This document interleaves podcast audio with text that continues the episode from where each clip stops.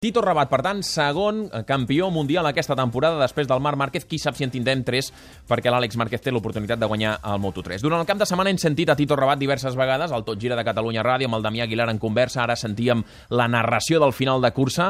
Un Tito Rabat que diríem que és un campió diferent. No és el... Eh, l'estructura familiar que estem acostumats quan parlem d'un d'aquests campions que són des de tan joves ja arrossegats, entre cometes, pels seus pares a, la, a les motos. Aquí més aviat és al revés. És ell qui va arrossegar la família d'alguna manera cap a les motos. O no sé si això va anar ben bé així o no. Esteve Rabat, bona tarda. Bona tarda. L'Esteve Rabat és el pare del Tito Rabat. Eh, sí. Primer de tot, felicitats, que un campió del món a casa no es té cada dia. Gràcies, gràcies. Estem, estem encantats. ja m'ho penso, ja m'ho penso, perquè això, escolta, és per celebrar-ho, eh? Ara dèiem que el Tito només ho ha celebrat una nit, no sé si el pare també ho celebrarà només una nit o potser ho allarga una mica més. No, no, no, res, res, res. Ja. Hem estat, hem tingut la sort d'estar per culpa d'ell, doncs 20 dies o 15 dies per ahí de gira, llavors ara ja toca treballar. Avui al migdia hem dinat, hem dinat eh, els dos nanos i jo, mm? Ja està, ja s'ha anat cap a, la... a treballar. Tots treballem en aquests uh -huh. moments ja. Molt ja toca, ja toca, ja s'ha acabat. eh, clar, no normalment quan parlem d'un pilot que guanya un títol mundial, a vegades quan grates una mica en la família trobes un pare malalt de motos que fa que el seu nen des de molt petit pugi a una moto i que fins i tot moltes vegades són els pares els que arrosseguen els nens perquè de ben petits comencin a pujar les motos. En aquest cas, no estem parlant ben bé d'això, no? Totalment al revés, totalment al revés. A casa hi havia motos eh, només de trial i, um, i, i prou, i ell relativament poc. Ell havia anat, el seu germà hi havia anat més i així, però moto, res, res. Uh, ell el que passa que anaven a les pistes de cars i així, i sense dir massa cosa doncs van a començar a fer coses de motos, la Copa Riejo i coses d'aquestes, que quan ens en vam donar compte ja no hi va haver-hi temps a frenar masses coses. Perquè em fa l'efecte que a la família no us feia gaire gràcia al principi quan el Tito us deia que volia anar amb moto. Bueno, eh, jo crec que cap pare li agrada massa.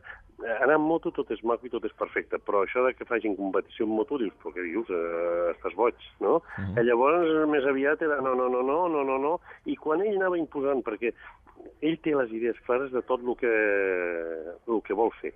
-huh. I llavors, jo vull fer això. Eh, llavors ell t'ho posava, t'ho vestia tot maco i tot perfecte per aconseguir el que ell volia. I ell volia fer competicions de motos, doncs bueno, ja llavors dius, bueno, ja, ja desistirà. Què va? No hi havia manera. I no, no, no, no hi va haver-hi manera. Encara espereu, encara espereu que desisteixi, no? Bueno, alguna vegada l'any passat li deia, escolta, tu ja n'hi ha prou, no? Per què no pares? Sempre li hem dit. Eh? Uh -huh. Però no, no, ell vol continuar, vol continuar, i, i una idea clara era vull guanyar un campionat del món. Ho volia fer un 125, que li va costar moltíssim, no ho va aconseguir-ho, i sí ho ha aconseguit amb Moto2, que jo crec que allà es va quedar massa temps. Però uh -huh. bueno, no, eh, potser hi ha molta gent del que ens escolta que ja sap la història, però estem parlant amb l'Esteve Rabat, que és propietari d'una joieria que hi ha ara mateix al Passeig de Gràcia, que abans estava a Badalona. Per tant, estem parlant sí. d'una família que no sé si dir que és rica, però en tot cas no ha, passat, no ha passat problemes econòmics. Per tant, a més a més, eh, diríem que el camí marcat pels fills, podríem dir, era heretar, entre cometes, el negoci familiar. Per tant, una mica la lluita era Tito, per què no deixes això de les motos i et quedes amb la joieria, que aquí tens un camí per, per recórrer, no? Sí, sí. Ell, mira, a més a més, quan estudiava, quan té, és un nano amb molt bon sentit comú, amb molta lògica, eh, llavors li deia, bé, tu tens altres actituds. No, ell ha volgut fer això. Eh, no, ni, ni grandeses ni, ni petiteses, però sí que podia fer tranquil·lament res d'anar amb moto. Però no, no, no, ell vol el seu. Hi ha l'altre germà que tenim la sort, que a més a més és el que continua, el que té l'expansió, el que a més a més es porten fantàstics, i el que a més a més quan ell va començar a córrer amb motos va ser, eh, si vol amb motos va ajudem-lo, no? Perquè si no anirà amb una sabata i una espardenya.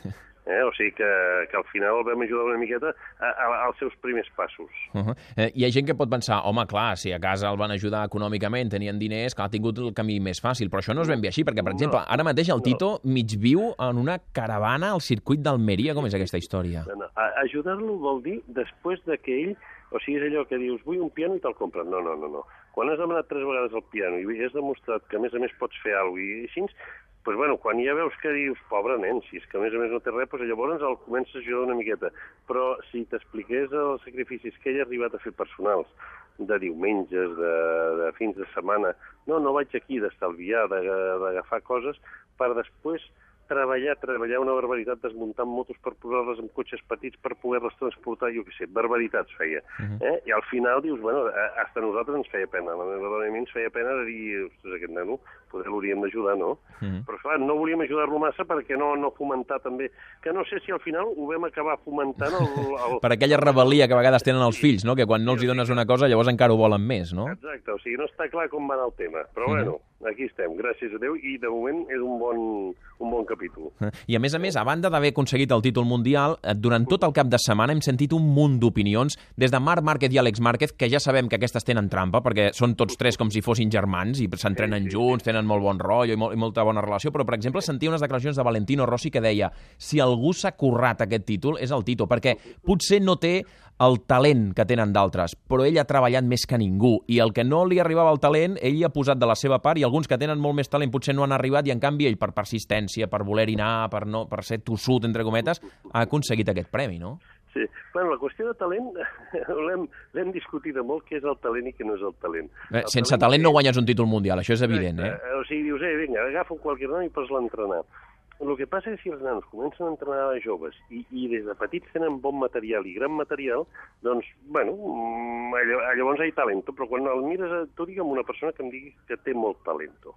I llavors mira el que entrena, i veuràs que entrena el mateix que el Tito. Una miqueta més, una miqueta menys. El que sí és veritat és que el Tito poder hagut de recuperar terreny, eh, de dir, eh, si jo no hi he fet abans, que això és una cosa que sempre ens inculcava a casa. Pare, jo haig d'anar a entrenar perquè tots em porten molt avantatge. Mira, tots estan ja corrent aquí, corrent mm. allà. Jo no corro enlloc, per tant de fer alguna per entrenar i poder-los atrapar. Mm. I aquesta era la, la mentalitat. Eh? Llavors, a vegades dius, bueno, ¿quién tiene talento? Este chaval que llega aquí i vente todo. Bueno, però quines motos portes, com ho portes, o te l'has de guanyar. O sigui que és complicat, i amb això el que dono és una mica d'ajuda a tots els nanos que, que en la parrilla de sortida n'hi ha 35, en els campionats d'Espanya n'hi ha molts, i que costa molt arribar a tot arreu, com a futbolistes, com a tot, tot l'esport. Mm. És molt selectiu. No, no, és evident, i que sense mm. talent, per molt que treballis, eh, sí, si no en saps anar amb moto, eh, no, quedaràs l'últim de la garella, per molt que, que hi entenguis, però vaja. Eh, continuarà vivint en aquesta caravana a Almeria o sent campió del món bueno, ara podrà... Perquè això, com és, això, és aquesta això història? De la caravana, això de la caravana, penseu que, que, que és un luxe no és una... o sigui, algú pot considerar, o sigui, aquest el tenen en una caravana, no, no, no. Ell no saps el que va lluitar per tindre una caravana, un motorhome que se'n diu, jo que sé, una camioneta, eh, i poder viure en allà. Se'n anava als grans premis amb aquesta camioneta que nosaltres dèiem, però fill meu, si et mataràs un dia, no? Tenia els viatges pagats pels equips, i així. Ell era feliç fent això. Després aquesta camioneta s'ha quedat en allà. Ara en aquests moments s'ha quedat petit, suposo que se n'agafarem una més grossa o alguna perquè ja arriba un moment que ja dius, nen, no pots viure aquí, no? Mm. Que ja... Perquè ara sí està a temporades, però ell realment, al viure en allà, imagina't que tu pots viure on a tu t'agrada, amb un puesto fantàstic, mm. fantàstic que a tu t'agradi, no? I que que estàs allà i fas el que tu vols. O sigui, canviar un pneumàtic et pot ser una... Dius, vaja, que és el que em fan fer, o dir, disfruto canviant-me el meu pneumàtic, arreglant-me la meva moto, la tinc impecable i ara me'n vaig a donar la volta amb ella.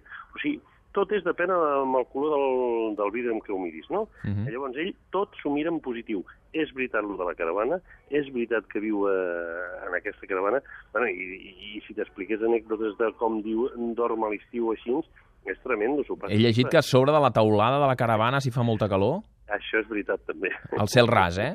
Sí, sí, sí, el cel ras però bueno, i llavors jo a vegades li dic al David, David, se nos va a caer este niño, ¿no? que, que, i que, que no veus que no pot ser això.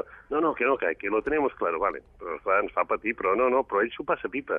No, i tant, i mira, i a més a més en treu rendiment, perquè a més a més ara mateix és campió del món de Moto2, que això no pot dir qualsevol. Per tant, tot això que, que us endueu. Sort que no us va fer cas quan li dèieu que deixés això de les motos, eh? Sort. Sí, sí. Bueno, a més a més t'haig de dir una altra cosa. A l'estiu, per exemple, és una enveja, perquè a Almeria, que hi ha el desert, que hi ha aquest petit desert d'Europa i tot això, que és on té mm. aquest circuit, però al costat mateix hi ha unes cales impressionants. I tant. Un mar impressionant. I tant. I cuidado, que al nano li encanta la natura.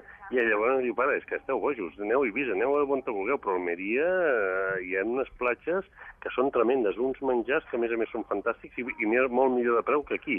Ah, o sigui que ell valora també totes aquestes petites coses. Molt bé, doncs escolta'm, que continuï valorant-les després d'haver aconseguit el, el títol mundial. Esteve, gràcies per acompanyar-nos i bona eh, tarda. Moltes gràcies a vosaltres, bona tarda, molt amables. L'Esteve Rabat, el pare del Tito Rabat, un pare atípic. No va ser ell qui va inculcar al seu fill que anés amb moto, sinó més aviat va ser al revés. Va ser el fill qui va voler anar amb moto quan el pare no ho veia gens clar. Més aviat hagués preferit que hagués agafat el relleu en la joieria familiar.